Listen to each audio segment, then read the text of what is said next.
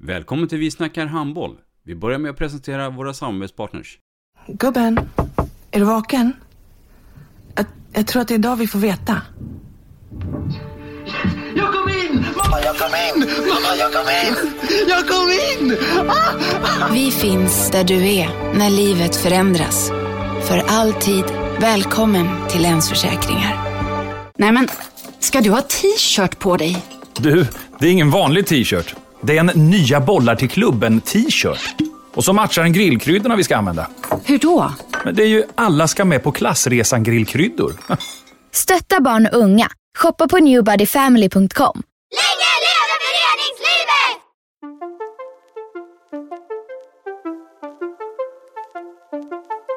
Välkommen säger vi till dig som lyssnar till den nya handbollspodden Vi snackar handboll med Robban Z och Matte. Vi snackar handboll, där du får veta alla sanningar som du inte visste att du missat. Vi snackar handboll. Idag i programmet Vi snackar handboll, Matte, så ska vi prata lite föreningsporträtt. Och vi ska göra det med en förening som är lite uppstickare, och i första hand då inom svensk damhandboll. Ja, det stämmer. Eh, Det ska bli väldigt roligt att höra den här resan och vi hälsar representanterna från IFK Örebro varmt välkomna. Och ni kan få presentera er själva. Ja, tack så mycket. Thomas Dunder heter jag och är huvudtränare i IFK Örebro. Eh, Och eh, Thomas Malmgren heter jag och jag är sportchef i IFK Örebro. Om vi börjar Thomas Malmgren.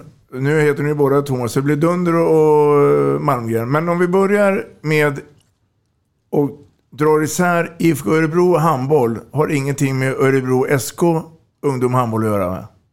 Nej, det är två helt eh, skilda föreningar eh, i Örebrohandbollen. Berätta nu då, IFK Örebro handboll. Vad är det för klubb? IFK Örebro handboll är en eh, liten klubb i ändå den eh, relativt stora staden Örebro. Eh, som det finns en, eh, en handbollskultur i. Även om det var ett tag sedan eh, något lag var på elitnivån. Eh, IFK Örebro handboll är en eh, till grunden de sista åren breddförening eh, som Eh, när jag kom in för ungefär sju år sedan i, i klubben var, fanns det egentligen bara ett seniorlag som hade mycket fokus på att studenter skulle vara med och spela handboll. Eh, som låg i division 3 och division 2 och pendlade lite där. Eh, men eh, är ju också en klubb som har för ungefär 30 år sedan funnits i elithandbollen. Men, men legat lite, lite vilande på den, på den nivån. Då.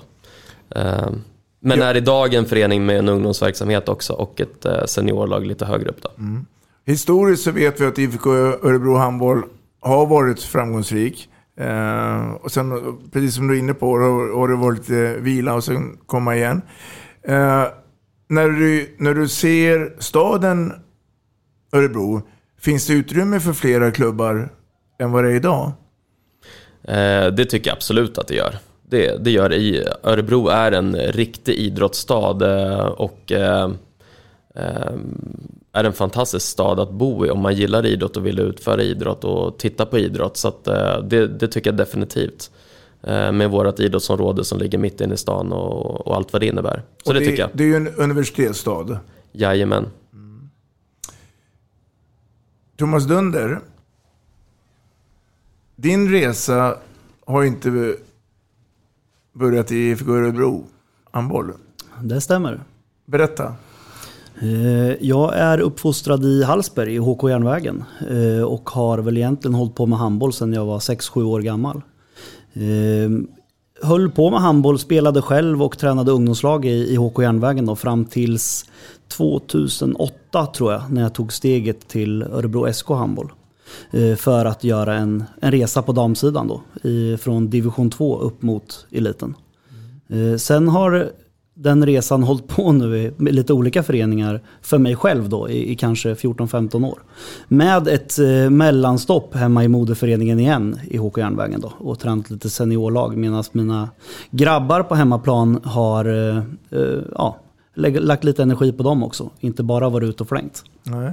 Historiskt då, var du, eh, var du en bra handbollsspelare själv? Nej, jag vet inte. Jag, spel, jag är 82 eh, och spelade med 81-laget egentligen hela uppväxten. Eh, fram till A-pojksnivå någon gång. Eh, då spelade jag dubbelt och då, då skapades ett 82-lag. Sen har det där gått lite i perioder att vi har spelat då som underårig eller överårig. Vi har även liksom fightats ihop med 83orna eftersom Hallsberg är inte så jättestort och man får samarbeta över gränserna om man ska få ihop någonting när man blir lite äldre. Då. Eh, jag slet väl på lite som, när jag, liksom de första åren som senior och avslutade väl egentligen som, som bäst innan jag vart korsbandsskadad.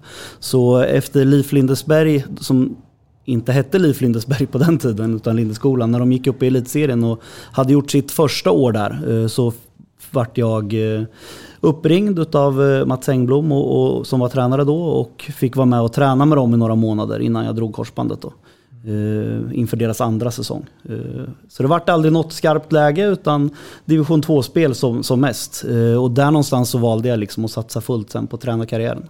Och då, och då kommer den här klassiska frågan, var det någon som sa åt dig att eh, satsa nu på att bli tränare? Eller var det som, var det som fick dig att få det intresset? Uh, nej men uh, i Hallsberg uh, så har ju det varit handbollen som har kretsat kring allt egentligen för oss i våra kullar. Så att vi, vi har ju bott i hallen egentligen från morgon till kväll om man bortser då från de dagarna man går i skolan. Då har man åkt dit direkt efteråt så i ungdomsåren. Så att vi, vi spelade ju och tränade ungdomslag parallellt. Så man spelade seniorlaget eller junior och så vidare och sen tränade bollkul och sådana här saker då i, i lite yngre åldrar. Eh, så att det där pågick ju parallellt med varandra vilket gjorde att man hade ett intresse inom tränarskapet mm. Eh, när skadan kom. Um, till dig då Thomas Malmgren. Um, sju år i IFK Örebro.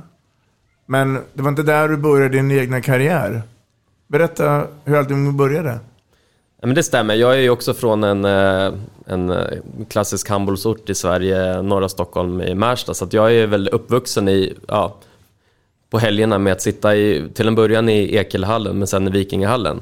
Eh, där jag spenderat många timmar eh, och spelade handboll i många år. Slutade väl egentligen att spela någonstans i början på gymnasiet.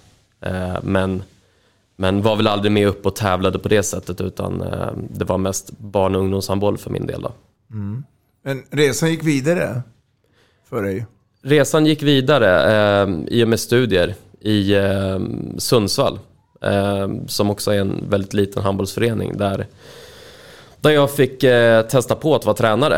Eh, efter att ha tränat lite ett eh, knattelag i Skåne så, så drog resan vidare dit och där fick jag väl upp ögonen för att träna och framförallt seniorlag då, innan jag tog mig ner till Hälsingland eh, och tränade en eh, förening som heter Arbro HK där i några år. Eh, och därifrån vidare till Örebro. Då. Mm. Och, och eh, skillnaden nu med, mellan Märsta, Sundsvall, um och nu Örebro. Eh, det har hänt mycket under de, åren. Vad, är, vad är stora skillnaden nu när, du är i Örebro? Eh, nej, men den stora skillnaden nu är väl att eh, jag har eh, blivit äldre, skaffat en stor familj, eh, har en annan roll inom handbollen som sportchef som passar mig eh, väldigt bra i den eh, situationen jag är i nu men, men framförallt att jag har fått väldigt mycket erfarenheter av, av alla år som tränare och, och eh, ja, det är väl den stora skillnaden nu egentligen att jag har mycket mer erfarenheter. Mm. Om vi pratar organisationen IFK Örebro Handboll. Mm. Eh, om du vill kort redogöra hur, hur den ser ut. Alltså, då tänker jag föreningsorganisationen. Mm. Ja, det är en liten organisation. Eh, som eh, såklart nu när vi har eh, tagit klivet upp i damallsvenskan är, är i behov av att bli större med alla krav som det innebär att spela handboll på elitnivå. Men vi har en organisation idag som jag sa som är liten men med människor som jobbar väldigt hårt i behov av att få in fler såklart. Så det är ju någonting som vi dagligen arbetar med att liksom gör organisationen proffsigare och större. Mm. Så är det. Jag misstänker att du och eh, kollegan i Örebro satt någon form av mål att när ska vi gå upp i Allsvenskan?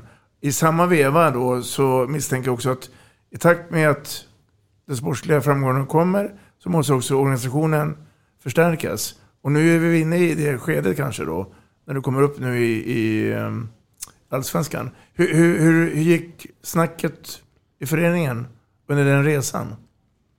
Alltså det hela har ju gått ganska fort. Sen har väl vi aldrig i IFK Örebro velat jobba med tidsatta mål utan vi har hela tiden tagit ett kliv i taget och eh, blivit lite bättre i organisationen, eh, fått en lite bättre trupp för varje år som har gått. Eh, men det är klart att inför den här säsongen så visste vi väl att vi skulle vara ett bra lag men vi hade väl kanske inte trott att det skulle gå så himla snabbt att springa igenom division 1. Eh, så det är klart att vi har haft tid att redan börja förbereda oss under förra säsongen ehm, på, på vad som komma skall. Då. Så är det. Handbollsmässigt nu då. Ehm, Dunder, det kommer ju bli en, en skillnad. Från tidigare division 2 och division 1 och nu spelar i Allsvenskan. Du har ju meriter från andra föreningar eh, att spela på högre nivå. Men eh, historia är historia. Nu lever vi nu, vet du. Vad ser du nu för stora utmaningar när vi nu hamnar i Allsvenskan? Ja, för det första kommer det bli mycket mer tuffa matcher. Vi kommer ju inte kunna slå av på takten någon gång och, och spela avslappnat. Utan det kommer ju vara full, full sula hela tiden och kämpa för varenda millimeter på, på banan. Så. Eh, men vi är väl ganska liksom ödmjuka inför uppgiften och, och känner att eh, vi har ett rätt bra lag, vi är nykomlingar, vi har en, en riktigt bra eh, fystränare eh, med sjuka erfarenheter i Nils Holmdahl. Eh, jag tycker att... En våra, äldre herre? Ja, han är 72 år eh, och är med, med och aktivt tränar under fyspassen med och driver på. Eh, han har ju hållit på med det här i över 50 år, eh, fysträning på både lagidrotter och individuella eh, idrottare. så att, nej, jag tycker att våran ledarstab har en jäkligt stor kunskap. Ihop med, med Thomas då som sportchef som, som också har varit tränare är det ju skönt att kunna bolla med någon som kan handboll. När vi pratar spelare och, och, när vi pratar olika vägar och sådär. Så vi känner väl oss ganska trygga i det. vi har Keke Karlsson på, på material som har varit med mig under nästan alla mina seniorår på damsidan eh, i olika framgångar. Och sen har jag en, en ung eh, gubbe med mig som heter Sebastian som, som eh, fungerar som assisterande till mig då, som gör ett hästjobb. Eh, så att eh, han jobbar med analyser och klipper och, och så vidare och, och det, det funkar jätte, jättebra. Mm. vi har ytterligare en materialare som heter Billy. Så jag, jag, jag känner att vi Ledarstabsmässigt eh, står väldigt stabilt. Jag tycker att vi har satt en trupp som är väldigt spännande där alla gillar att träna. Eh, och om man inte tränar bra så är det svårt att nå framgång. Så att, eh, jag ser ljust på, på utmaningen. Mm. Håller du med Thomas? Jag håller verkligen med. Det är, jag tycker att det ser... Eh, eh, tittar man på den... Jag tycker vi har en väldigt intressant trupp och det är som, som Thomas säger att det är tjejer som är beredda att jobba riktigt hårt och även såklart ledarstaben då, eh, som vi har runt laget. Och det, ja, det, det är väldigt kul att vara sportchef i, i, ett, eh, i, en, i ett lag där det liksom märks hur hårt alla jobbar och att alla vill framåt. Så är det. Att ni tog steget upp från division 1 till allsvenskan. Um, för ni började med två förluster. Och sen så raskt så blir det bara seger på seger på seger. Är det en kombination där tror du Dunder, att eh, bra fysisk träning och eh, bra kollektivt spel? Eller är det några andra nycklar du ser att här avgjordes det nog på de här sakerna? Vi var ju ganska självsäkra i det vi höll på med. Eh, vi hade Nacka borta i premiären. Eh, vi fick dyngstryk, men vi var med i 40 minuter. Eh, sen chansade vi lite grann för vi vill vinna matchen och, och de punkterar den egentligen. Mm. Eh, de spelarna vi möter i den premiärmatchen spelar ju samtliga, eller samtliga ska jag inte säga, men det är säkert en 6-7 stycken som i alla fall är med runt det här laget som ska spela SM-final snart.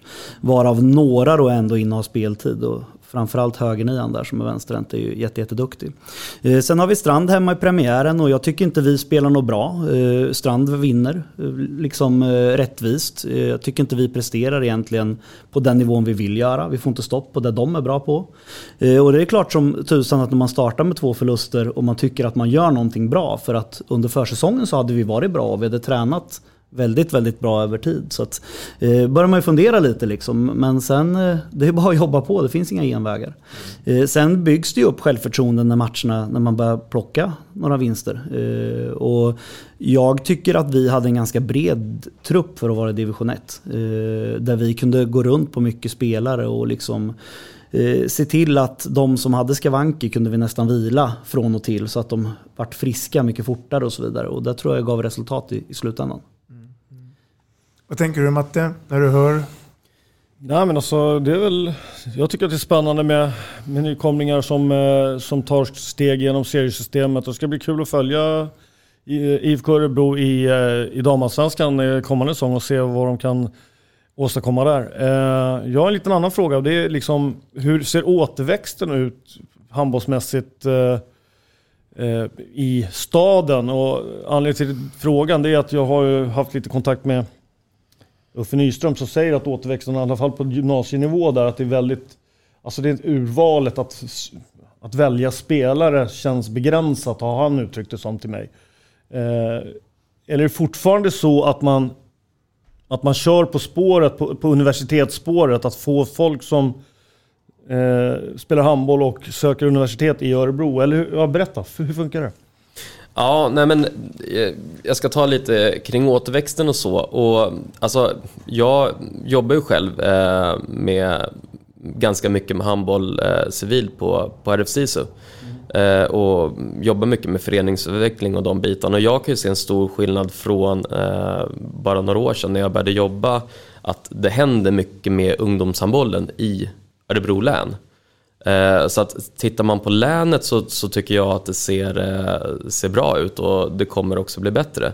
Tittar vi bara enskilt på Örebro så eh, skulle jag säga att det börjar se väldigt mycket bättre ut där också. Om man går ända ner på barn och, och de yngre ungdomslagen där vi har väldigt mycket spelare och det är ju någonstans det som är det viktiga.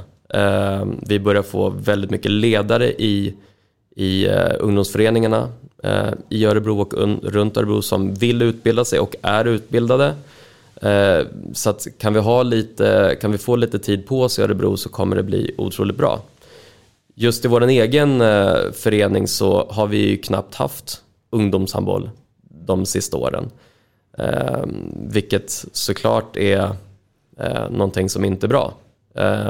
Och precis lika hårt som, som vi har jobbat runt damlaget här i division 1 och även vårt eh, U-lag som vi har så har vi också lagt ner mycket tid på att starta en ny ungdomsverksamhet.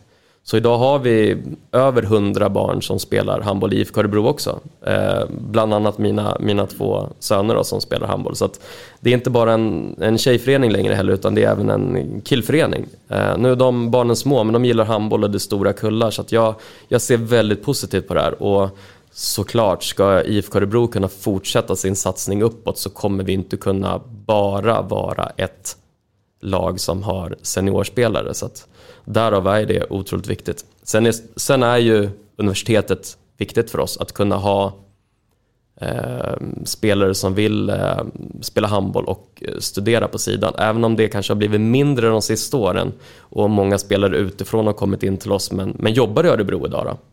Ehm, så jag ser Örebro som en attraktiv stad att spela handboll i. Och, och sådär. Hur, hur, tänker du eh, eventuellt eh, med ordet samarbete? Alltså, samarbete exempelvis med grannklubben Örebro SK Ungdom. Eller ser du att ska ni, vi ska nog lösa det här själva?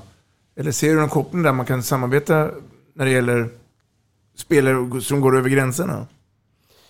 Eh, ja, det, det är klart att jag, ser, eh, att jag ser chansen till det och det finns ju mycket tankar på, på samarbeten eh, med, med föreningarna runt om och sådär.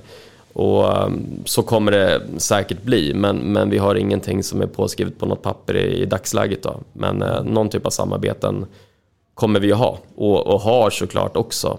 Eh, för att vi behöver, alla klubbar behöver hjälpa varandra med framförallt med ungdomshandbollen så att det ska bli bra för länet. Eh, Berätta, eh, jag bara, för- ÖSK, har de själva några ambitioner om seniorhandbollen eller? Det, ja, det vågar jag inte svara på, hur, hur deras ambitioner ser ut eh, framöver. Eh, men, men de har ett damlag som spelar i division 2 idag. Eh, och ett herrlag som spelar i division 1 nu. Det är två separata föreningar. Då. Eh, ÖSK handboll herr och ÖSK handboll dam. Men, men ehm, jag, jag vågar inte svara på vad deras ambitioner är. Om vi byter lite ämne, vi pratar spelet handboll. Eh, så har vi ju två stycken rävar här. Jag tänker på dig Matte och jag tänker på dig Thomas Dunder. Eh, vilken typ av spel eh, har du haft med IFK Örebro handboll? Och hur ser morgondagens tankar ut när det gäller spelet? Vad är det för typ av handboll du vill leverera? Nej, men vi vill spela handboll i ett högt tempo. Eh, attraktiv handboll, fartfylld handboll. Eh, men samtidigt så vill, vi behålla kraften i det. Eh, och ska man kunna göra det så behöver man bygga upp en ganska bra mur bakåt först för att kunna få chansen till att spela med fart. Eh, så att vi fokuserar mycket på att eh, jobba väldigt hårt med försvarsspelet och kunna komma åt de enklaste målen man kan göra genom att kontra.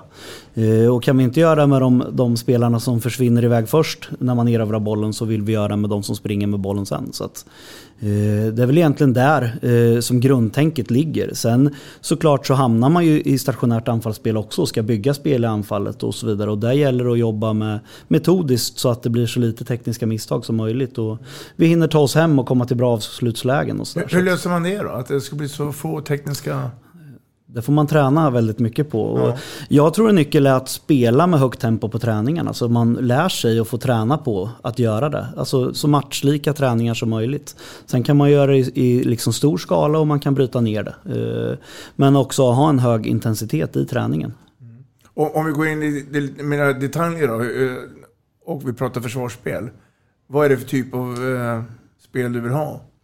Eh, jag, jag bygger ju mitt försvarsspel beroende på vilket lag, alltså vad jag har för individer i laget. Så eh, nu i IFK har vi valt att spela defensivt. Eh, och liksom eh, jobba ganska tätt eh, och låta dem skjuta utifrån. För att vi tycker att vi har haft en bra målvakt som har plockat de skotten. Eh, I andra lag har jag provat att spela 3-3. Provat att spela 6-0 med höga tvåor. Så det är lite beroende på vad jag har för individer att jobba med. Eh, tanken är väl också att man vill ju kunna behärska två olika försvarsspel. Så att om inte det ena funkar ska man kunna göra andra. Så att vi tränar ju på olika sätt även om vi under den här säsongen mest har spelat 6-0. Eh, så tränar vi väldigt mycket på utgrupperat också i, i matchspel Men, men kan det också vara så att du formar spelarna till grann av, av det för, försvarsspelet du vill göra? Eller ser du mera åt andra hållet då, att du får anpassa dig? Nej men det är en balans Ja. tror jag. Eh, Det, det är ju viktigt att alla drar åt samma håll och, och eh, jag tror att vissa kanske behöver justera vissa saker eh, som individer och, och samtidigt så måste vi få in det i vårt liksom kollektiva tänk. Eh, vart vill vi att motståndaren ska avsluta ifrån och så vidare. Och det hänger ihop med målvaktsspel också eh, så vi får avsluten från rätt vinklar. Vad tänker du Matte? När du hör Dunder resonera? Nej men alltså det är sunda, sunda idéer. Eh, jag tycker väl, ja det, det, jag tycker, jag håller med. Det är ett sätt att bygga, bygga på. Jag tror att det är viktigt när man, när man tänker på lagbygge så är det jätteviktigt att tänka individer som Thomas är inne på. Och sen så tycker jag väl också utifrån att eh, spela i ett högt tempo och ligga på och spela tufft och hårt försvarsspel. Så verkar det ju väldigt vettigt att man har en bra fystränare. För eh, ju bättre tränaren blir, ju längre i matcherna orkar man hålla på och spela tufft försvarsspel och, och kontra och, och så vidare. Och så vidare. Och ju färre kommer tekniska felen bli eftersom man kan fokusera om man inte är alltför trött i huvudet. Så att det låter som en eh, hyfsad plan tycker jag. Mm. Det anfallsspelet då? Alltså anfallsspelet, hur, hur, hur tänker vi här? Ja, men lite samma sak som bakåt. Det blir lite luddigt men vi har ju olika spelartyper och vi vill ju att eh, beroende på vilka vi är inne på banan vill vi kanske spela lite annorlunda. Eh, vi har en del som är väldigt duktiga på att skjuta eh, och då vill vi kanske hjälpa dem till bra skottlägen. Eh, när de inte är på planen då kanske det blir mer halvdistansspel och genombrottsspel och då vill vi kanske spela lite snabbare och kunna gå på ytor och så vidare. Skapa övertag och släppa boll och sådär. Så det är lite olika men eh, vi har väl egentligen jobbat med några grund grundstarter bara i, år. Eh, lite, lite olika att välja mellan oavsett vilka vi haft inne men sen har vi ingen facit med vart läget ska komma utan eh, det är en rörelse som vi sätter start med en start och sen så får bollen eh, liksom göra jobbet därifrån. Eh, men, men det är klart att om jag har en spelare som är 1,82 lång och skjuter som, som en häst sparkar så är det väl bra om man kan utnyttja det ibland eh, för att kanske få ut försvaret lite grann. Eh, så att, men, men samtidigt är det för stora försvarsspelare man möter, ja då kanske vi måste flytta dem i sidled först och spela andra spelare istället. Så att vi, vi har ju väldigt mycket olika typer i, i vårt lag och det tycker jag passar ganska bra för har det inte funkat för den ena har det funkat för den andra och sådär. Så att, ja, Gillar du tvåvägsspelare eller kan du acceptera att det ibland finns envägsspelare? Eh, jag kan absolut acceptera det, men jag, jag förespråkar ju tvåvägsspelare. Eh, vi har ju haft spelare nu som vi värvar inför division 1-säsongen som egentligen knappt har fått spela försvarsspel i andra föreningar de har varit i. Men vi eh, har varit jättenoggranna med att göra det här jobbet nu så att man lär sig att spela åt båda hållen. Så att den gången vi har bytt anfall-försvar i år har varit för att vila någon spelare, inte för att den inte kan spela försvarsspel. Mm. Vad säger ni? Ehm, det kommer ju en ny regel också nu till eh, hösten. Allting kommer gå snabbare. Eller vad tror vi här? Vad säger Matte? Ja, ryktet säger det, men det låt, återstår väl att se. Men det, det mesta, du tänker på den här nya avkastregeln som, Ja. som sker. Eh, Så att, eh, ja, vi får ju se om det innebär att det kommer bli fler, eller om man kommer fortsätta att byta framåt bakåt i den om, eh, omsättningen som man gör idag, eller om det kommer bli min, färre antal byten framåt bakom på grund av de nya, nya eh, avkastreglerna. Så det ska bli spännande att se vad, vad, vad framtiden säger, säger om det. Vad säger Dunder? Nej, jag, jag är inte superinsatt i den, men jag har hört någonting om tre meter åt, åt varje håll. Jag vet inte om det stämmer, men, men jag förespråkar en snabb handboll, så det passar mig alldeles utmärkt. Eh, Sen tror väl jag att vissa lag kommer ta det korta bytet i alla fall då, men att man kanske inte jobbar med längre byten, för det tror inte jag man kommer hinna. Eh, beroende på då vilka man möter såklart. Eh, Kommer det påverka någonting, tror du, 7 mot 6 spel? Eh, Ja, det borde det ju göra. För att eh, det är ju ganska ofta i nutidens handboll de blåser tillbaka avkast för att inte alla spelare ligger på rätt sida och att man kanske inte står på precis det stället man ska göra när avkast ska gå. Så att det kan jag tänka mig att det nog gör. Spännande, intressant att se. Eh, om, vi, om vi då tittar på allsvenskan och vi tittar på hur den kommer se ut nu, 22-23. Eh, och eh, analysen och planen, för nu är det nya motståndare. Och nu pratar vi hela Sverige. Eh, hur, hur går dina tankar här, Dunder? Eh, nej, men jag har ju varit tränare för lag i den serien ganska många olika år. Eh, och tycker att det är en väldigt rolig serie att delta i, för det första. Eh, det som blir extra kul i år blir att möta nya lag med IFK Örebro. Att IFK Örebro får komma upp och, och vi får känna på de här eh, elitklubbarna, eller det är ändå en del stora namn. Det är inte lika stora namn i, i division 1 norra som, som det faktiskt är i allsvenskan.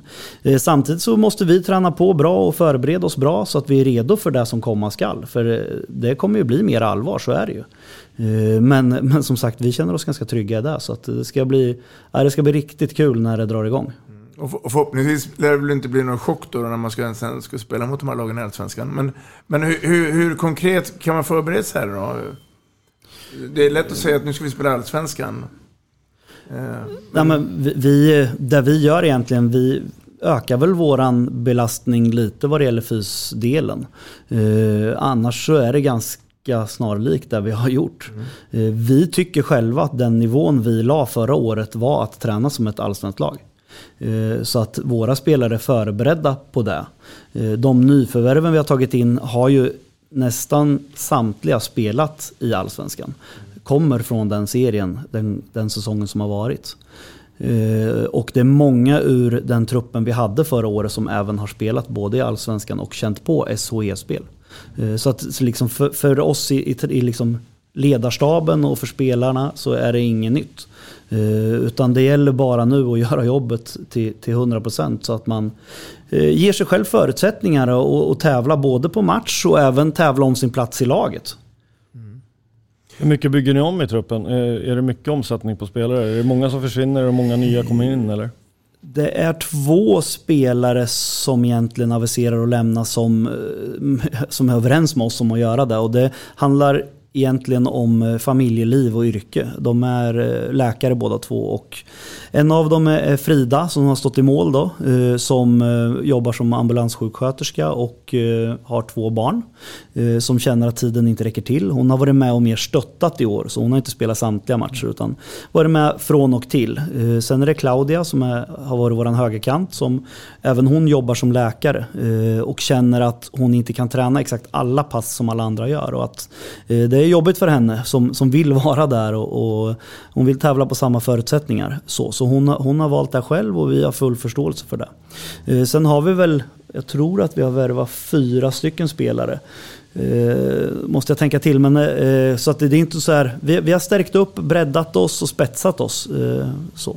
Inte jättestor omsättning och eh, inte så jättemånga nya in som det var förra året. Eh. Mm. Matte? Mm. Vi har ju pratat, du har förut om det här med att man eh, kommer från en serie där man har vunnit och så kommer man upp en division och sen så kan det bli så att eh, man får några rejäla förluster. Men du pratar mycket om tålamod, det mentala, att man ska vara inställd på det, att tro på det man gör. Ett ja, råd till Örebro att, Jag då? tror att, eh, ja jag tycker det är samma där. Jag tror att man ska inte liksom, okej okay, nu förlorar vi två matcher, nu måste vi byta strategi liksom. Jag tror att man ska komma fram till en riktning och så, och så försöker man hålla den så mycket. Sen visst, små nyansförändringar kan man ju alltid göra, men jag tror att jag tror att det blir jäkligt otydligt för spelarna om man ska, om man ska fladdra fram och tillbaka och, och försöka olika saker. Då kommer de inte hitta någon trygghet. och, och stabilitet i sig själva i sitt individuella spel och inte i det kollektiva spelet. Så jag tror att det är jätteviktigt att man stakar ut en riktning som ledare och, och leder, leder, gruppen på det, på det som ja, både grupp och, och ledarna tror på. Eh, sen var vi inne på det där med att man, nu har ni gått upp två divisioner inom, eh, ja, så ni har ju varit en vinnande förening och, och eh, genom, genom de senaste åren. Och, och det Robban menar, liksom lite det som vi har pratat om tidigare, det är att om, om man nu kommer upp och så blir det inte lika lätt i allsvenskan och så åker man på lite torskar. Och, eh, att det, blir, alltså det är där på något sätt ledarskap och karaktären i gruppen eh, ställs på prov. Och kan man komma igenom sådana lite tuffare perioder så går man jäkligt starkt ut det. För att när man hela tiden vinner och vinner och vinner så kan små problem bli bagateller. Men om man förlorar, förlorar, förlorar så kan de där små problemen bli ganska stora i, i, sin omfattning om ni förstår vad jag menar. Och kan man hantera det på ett bra sätt så tror jag också att man eh, eh på något sätt är ödmjuk inför uppgifterna och, och sådär. Då tror jag att man också kan liksom snabbare komma framåt i processen. Säger Dunder? Nej men så är det ju. Man har ju varit ledare där, det har, där man haft medvind och där man haft motvind. Och, och man får ju ta lärdom av, av de situationerna man är i och analysera. Vad, vad gör vi bra? Vad gör vi dåligt? Och vad behöver vi förändra? Är det stora eller små saker? Och sen får man ju bestämma sig för någonting och så får man köra på det så hårt man kan egentligen. Mm. Eh, vi, vi är ju liksom för oss blir ju, det är ju klyschigt, men det varje match kommer ju liksom vara en ny match och det är den vi kommer fightas för. Eh, oavsett hur bra lag de andra har så finns det ju inte en match vi kommer kliva in på banan och tänka att här är vi nöjda med om vi förlorar med si och så många bollar. Utan vi eh, kommer fightas om det. Eh, och så får vi se hur mycket poäng som, som trillar in. Eh, om det ens blir några poäng. Men, men eh, jobbar man hårt och man är ödmjuk, ja då har man alla förutsättningar i världen att lyckas. Mm. Videoanalys. Jobbar du mycket med det? Ja, vi jobbar med det. Eh, Det är Sebastian då som är min assisterande som, som sitter och klipper på kvällar och nätter och där jobbar vi ganska mycket med. Tittar mycket på vad vi ska möta eh, och på vad vi gör bra och vad vi behöver förändra. Eh, Dels kollektivt och även individuellt. Om, om du skulle ta oss genom en, en vecka och eh, som har varit eller som kommer nu bli. Men hur, hur ser en vecka ut för er? Alltså att ni har Spelar match lördag, söndag och sen så säger vi att vi har vunnit den och så kommer måndagen och sen en ny match eh, helgen därpå. Hur, hur, hur vill du att vi ska, eh, eller vi, ni ska jobba? Eh, där vi eh, har gjort, det kommer ju skilja sig lite då till kommande säsong, men som säsongen har varit nu, den som har varit, så har vi alltid startat måndagen med fys. eh, Där Nils då har kört ett eh, entimmespass i hall och direkt efter det har vi gått på boll en timme. Oavsett om vi har spelat lördag eller söndag och om vi har förlorat eller vunnit så, så startar vi veckan på det här sättet. Tisdagen har varit mer tempospel. Eh, onsdagen så har vi vila från det kollektiva och, och får man välja om man vill kö- köra sitt gympass eh, då eller om man vill ta det senare i veckan. Lite beroende på vilken form spelarna har, om de har spelat mycket eller lite på helgen och hur statusen är eh, individuellt. Eh, torsdagen är matchförberedande, lite mer liksom eh, tryck över hela banan där alla får visa sig inför uttagning. Och fredagen har ju då varit individuellt mycket med ja, men känna på avslut, passningar, rehab och, och sånt där. Och sen är det då match på helgen. Beroende på vilka vi ska möta, eller som vi har mött, så har vi haft ett eller två eh, gympass då. Eh, har vi tyckt att motståndet på helgen, kommer, det här kommer nog bli riktigt, riktigt tufft, då har vi eh, dragit ner och kört ett gym eh, individuellt då. Och har vi känt att nu har vi läge att liksom trycka ner oss lite i skiten, då har vi kört dubbla pass då, på olika dagar. Matchgenomgång då inför helgens match. Sker den sista träningen på, på vardagen eller är det, en, är det en process som startar tidigare? Den startar tidigare. Vi brukar köra den på torsdagen innan träningen. Vad vi ska förbereda oss på. Så alla får chansen att gå in i sina roller och visa under träningen. Eh, sen är det såklart att det återkommer och, och under fredagen med när vi bryter ner det lite grann och kanske ligger, har varit på en sida och, och, och står och nöter och sådär. Så det- men den startar redan på torsdagen. Koppling till det då Mats, eller känner du igen mönstret? Mm, ja, det gör jag, men jag, jag har ingen egentligen... Eh, alltså det verkar, men jag tänkte, ni tränar inte på helgerna. Ni spelar matcher på helgerna, lördag eller söndag. Och sen tränar ni i stort sett måndag, tisdag, torsdag, fredag, eller? Ja. Och onsdagen eventuellt ett individuellt fyspass då? Ja, och individuella fyspasset kan ju ligga på helgen med, men vi har inte Okej. kollektiv träning Okej. på helgen. Utan Precis. ett eller två gympass i veckan och, så får man välja då vilka dagar. Men vi vill gärna inte att det blir då måndag, tisdag, onsdag, torsdag, fredag. Så att det inte blir någon vila, utan det blir ofta vila på onsdagen. Eller att de alternativt då kör gympasset i anslutning till handbollen eh, till någon dag då, för att få en extra vilodag. Precis. Eh, Det är lite vad, vad spelaren själv känner att vad, vad liksom, det här passar för mig och där tror jag på. Liksom. Eh, Det är viktigt att de gör det och att vi har en dialog om eh, vad som sker. Thomas Malmgren. IFK Örebro är ju lite internationella. Ni har ju en finsk landslagsspelare med. Eh, ja, vi har två Ja, det. faktiskt. Eh, en, en ny spelare som vi har fått inför den här säsongen som heter Lotta Kulja också. Eh, som är faktiskt kapten i finska landslaget. Eh, men vi har även Wilhelmina Wolf som är målvakt i landslaget. Mm. Och då kommer vi in till lite ett annat sidospår. Du, du, den här säsongsplaneringen. För att helt plötsligt så, så får ni kanske också då acceptera att det är landslagsveckor. Där då eh, man bryter ner och spelarna måste åka och spela sina uppdrag här. Eh, jag, jag tänkte komma in då till den planeringen då. För nu är det ju så här att utan att påstå så har ju IFK Örebro Handboll kanske en av de härligaste arenorna som hemmaplan. Idrottshuset. Ja, den gillar vi att spela i. Ja. Hur ska vi fylla den till fullsatt när Dunder kommer med sitt eh, lag? Ja, vi ska väl eh, jobba hårt med att eh, marknadsföra vår egen produkt och vi ska se till att få dit alla de här viktiga ungdomsspelarna från länet att eh, titta på riktigt, riktigt rolig handboll från, från starten av säsongen. Ehm, det är väl det. Har, har du satt något, något mål på att uh, antal åskådare per match? Nej, det vågar jag väl inte på nu. Men vi har väl haft ungefär, ja, ungefär 250 i division 1 när vi har spelat in inför en lite mindre läktare. Då. Men nu när vi går över på stor arena så hoppas jag väl att vi ska kunna ha det dubbla på flera matcher i alla fall. Mm. Det hoppas jag. Apropå då matcher så är det ju också en, en nyhet för er. ATG-cupen, alltså Svenska cupen. Jajamän. Eh, idag då, denna torsdag, så har, har ju också lottningen kommit eh, som ska då spelas i augusti. Ska vi ta oss igenom den resan också då? Låt höra. Hur tänker vi här? Med den gruppen vi hamnat i. Ja, och chansen att få spela tuffa matcher inför Allsvenskan. Den eh, gruppen vi hamnat i är ju en eh, riktigt tuff grupp. Vi har hamnat med två SHE-lag. Ehm, med Skövde HF och med Västerås då. Ehm, så att, eh, det är klart att det ska bli en, en kul utmaning att få mäta sig med, med den högsta nivån. Och även då som sista lag i gruppen har vi hamnat med Bodens BK som vi känner väl eh, efter att ha mött eh, två säsonger på raken här. Så att, det blir en tuff och kul utmaning. mm. Att göra debut i Svenska Cupen.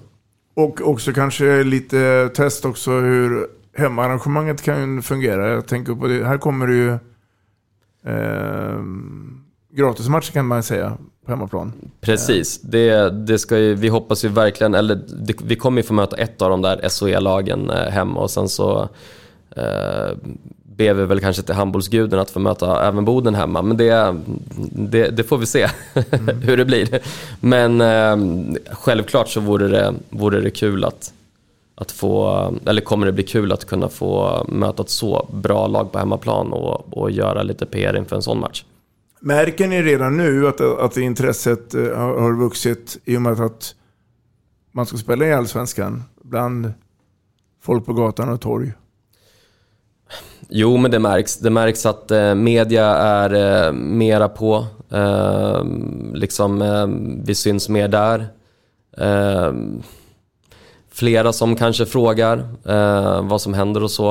Eh, men vi märker det ju framförallt också med att det är mycket flera spelare utifrån som har intresse av att eh, komma till Örebro och spela handboll. Även om vi kanske inte direkt eh, alla gånger själva har tagit den kontakten. Då.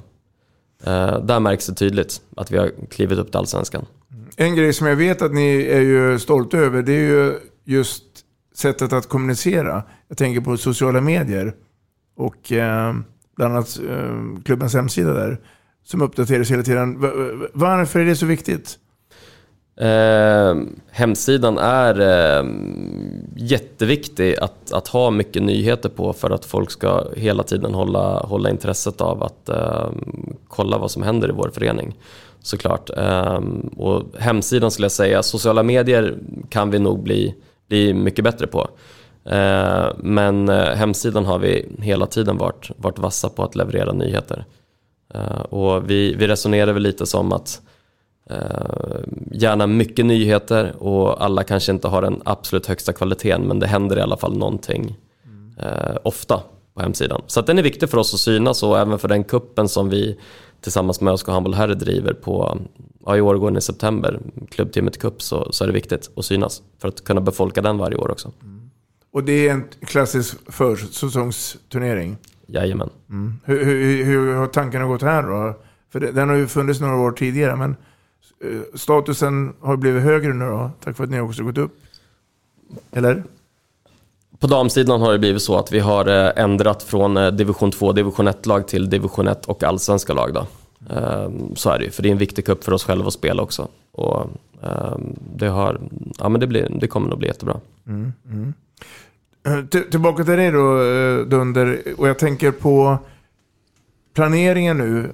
Att, eh, för det, det har du gjort förut. Att, eh, att komma så väl rustad som möjligt till premiären någon gång här i september, oktober. Um, och vi är inne i maj nu när det här uh, spelas in, när uh, podden. Ehm, um, hur, hur, I grova drag, hur, hur ser planeringen ut?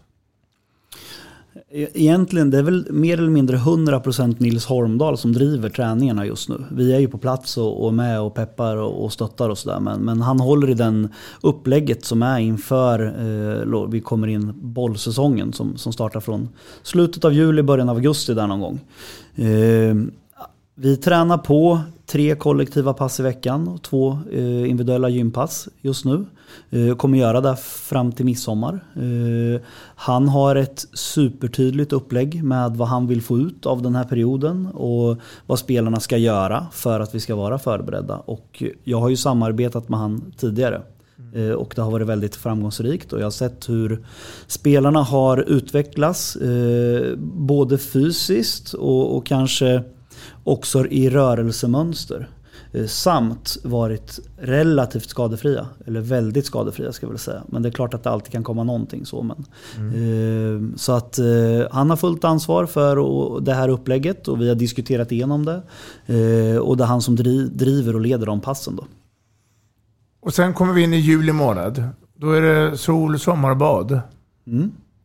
Då har han eh, släppt program till dem. Eh, dels eh, på gymmet och även utepass då, som de kan ta med sig och göra mer eller mindre vart de än är. Mm. En hel del som är med kroppen och oftast om man åker på någon utlandsresa eller någonting så finns det oftast tillgång till någon gym och så. så att, oavsett om man är på semester eller om man är hemma så ska man kunna genomföra de passen som vi kräver att de gör. Så att där har vi ledigt några veckor från det kollektiva. Och sen kommer vi in i augusti. Mm. Och då tar vi fram boll och trasa. Exakt, då rullar bollarna ut på golvet och så kommer det ju vara kombinerat boll och fys. Uh, ungefär den strukturen som vi har under hela säsongen egentligen.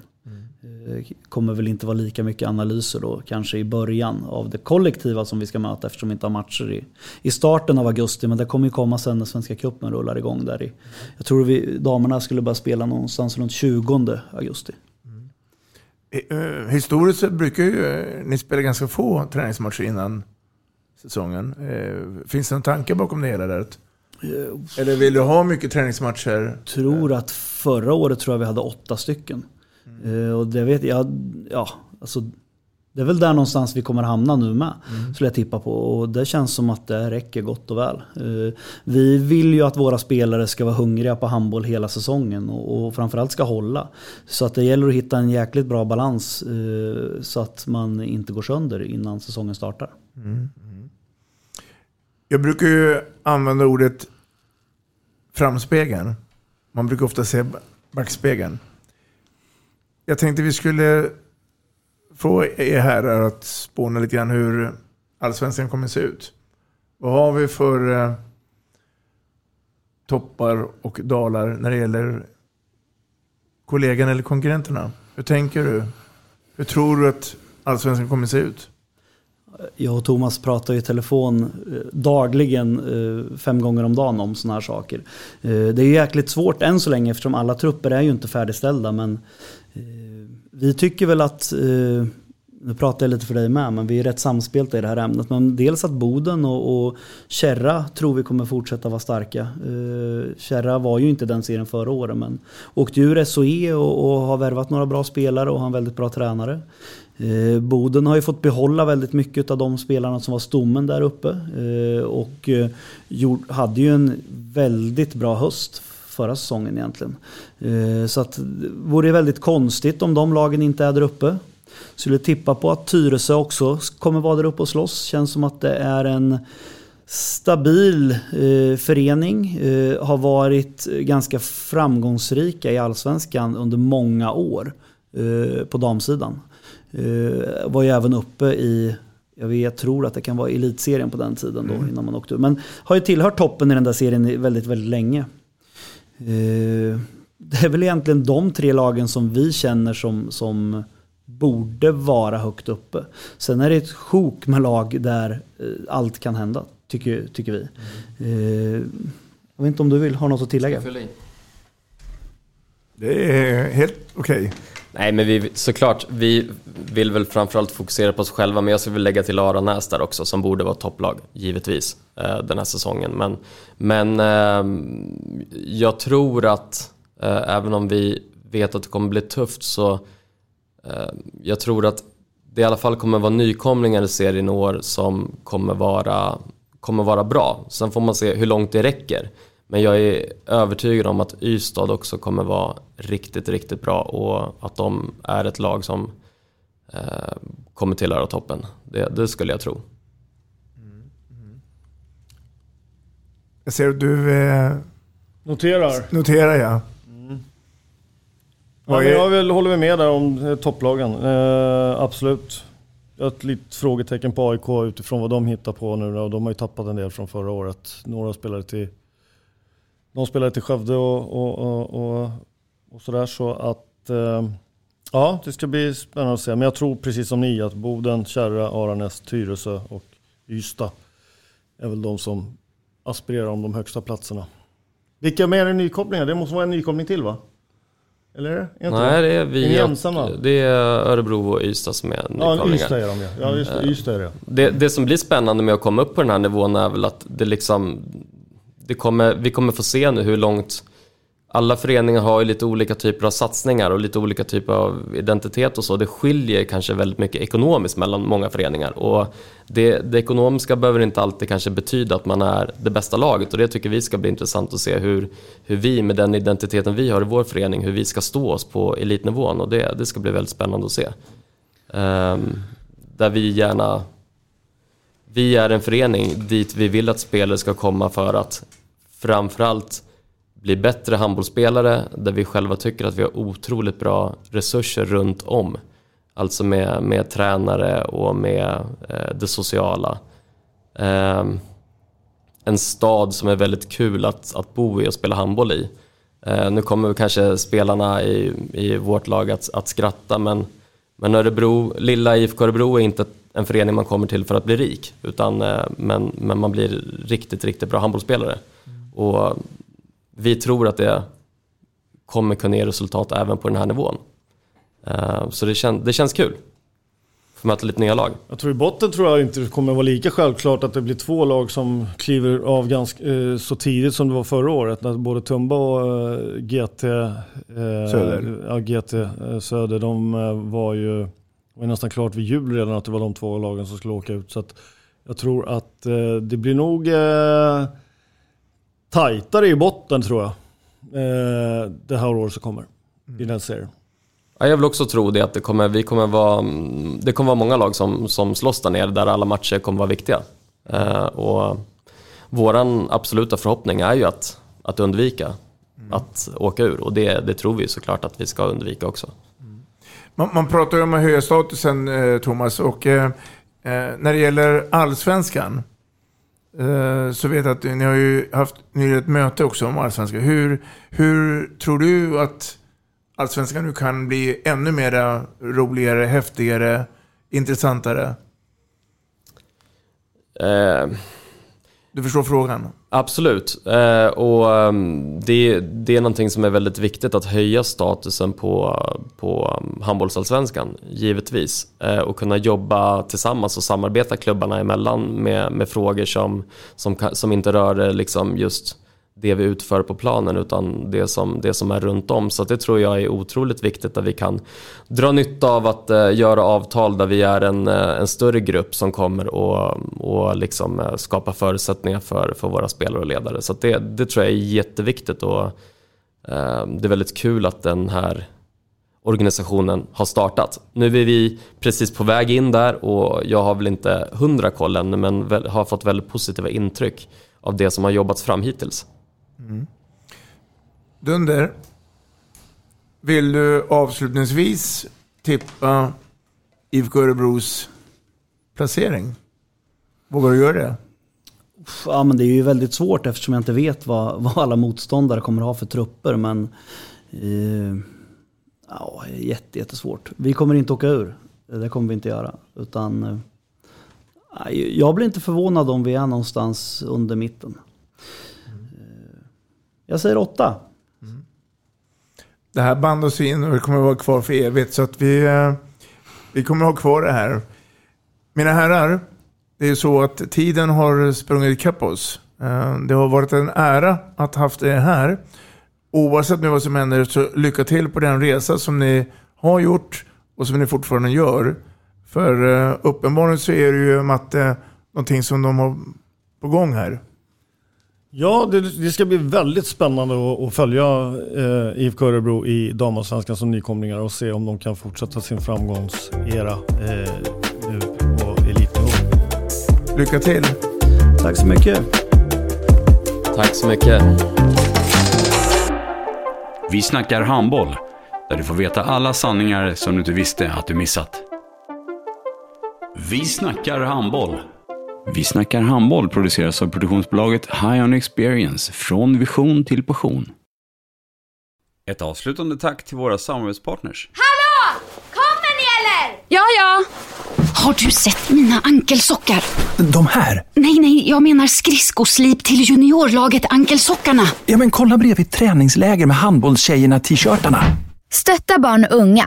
Shoppa på newbodyfamily.com. Gubben, är du vaken? Jag, jag tror att det är idag vi får veta. Jag kom in! Mamma, jag kom in! Mamma, jag kom in! Jag kom in! Ah! Vi finns där du är när livet förändras. För alltid välkommen till Länsförsäkringar.